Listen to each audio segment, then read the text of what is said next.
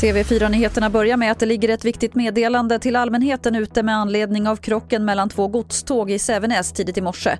Det finns risk att det läcker extremt brandfarlig gas. Alla som befinner sig inom 600 meter från olycksplatsen bör hålla sig uppdaterade om läget. Idag har regeringen och Folkhälsomyndigheten presenterat en strategi för hur man ska hantera eventuella framtida utbrott av covid-19. Så här sa socialminister Lena Hallengren på en presskonferens för en stund sedan. Råden till allmänheten de kommer under hösten på det hela taget att kvarstå. Det är den nivån som gäller för hela landet. Men för att däremot hantera lokala utbrott så är bedömningen att det kan krävas lokala råd. Hemarbete, distansstudier, regler för kollektivtrafiken. Det kan också komma att krävas lokala begränsningar av allmänna sammankomster. Det kan också komma restriktioner för personer som bor tillsammans med en person som har bekräftad covid-19.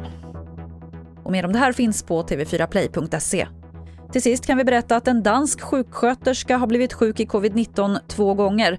Den 41-åriga sjuksköterskan blev först sjuk och testade positivt i april, sen frisk och så sjuk igen i juli och testade återigen positivt. Det var det senaste från TV4 Nyheterna. Jag heter Lotta Wall.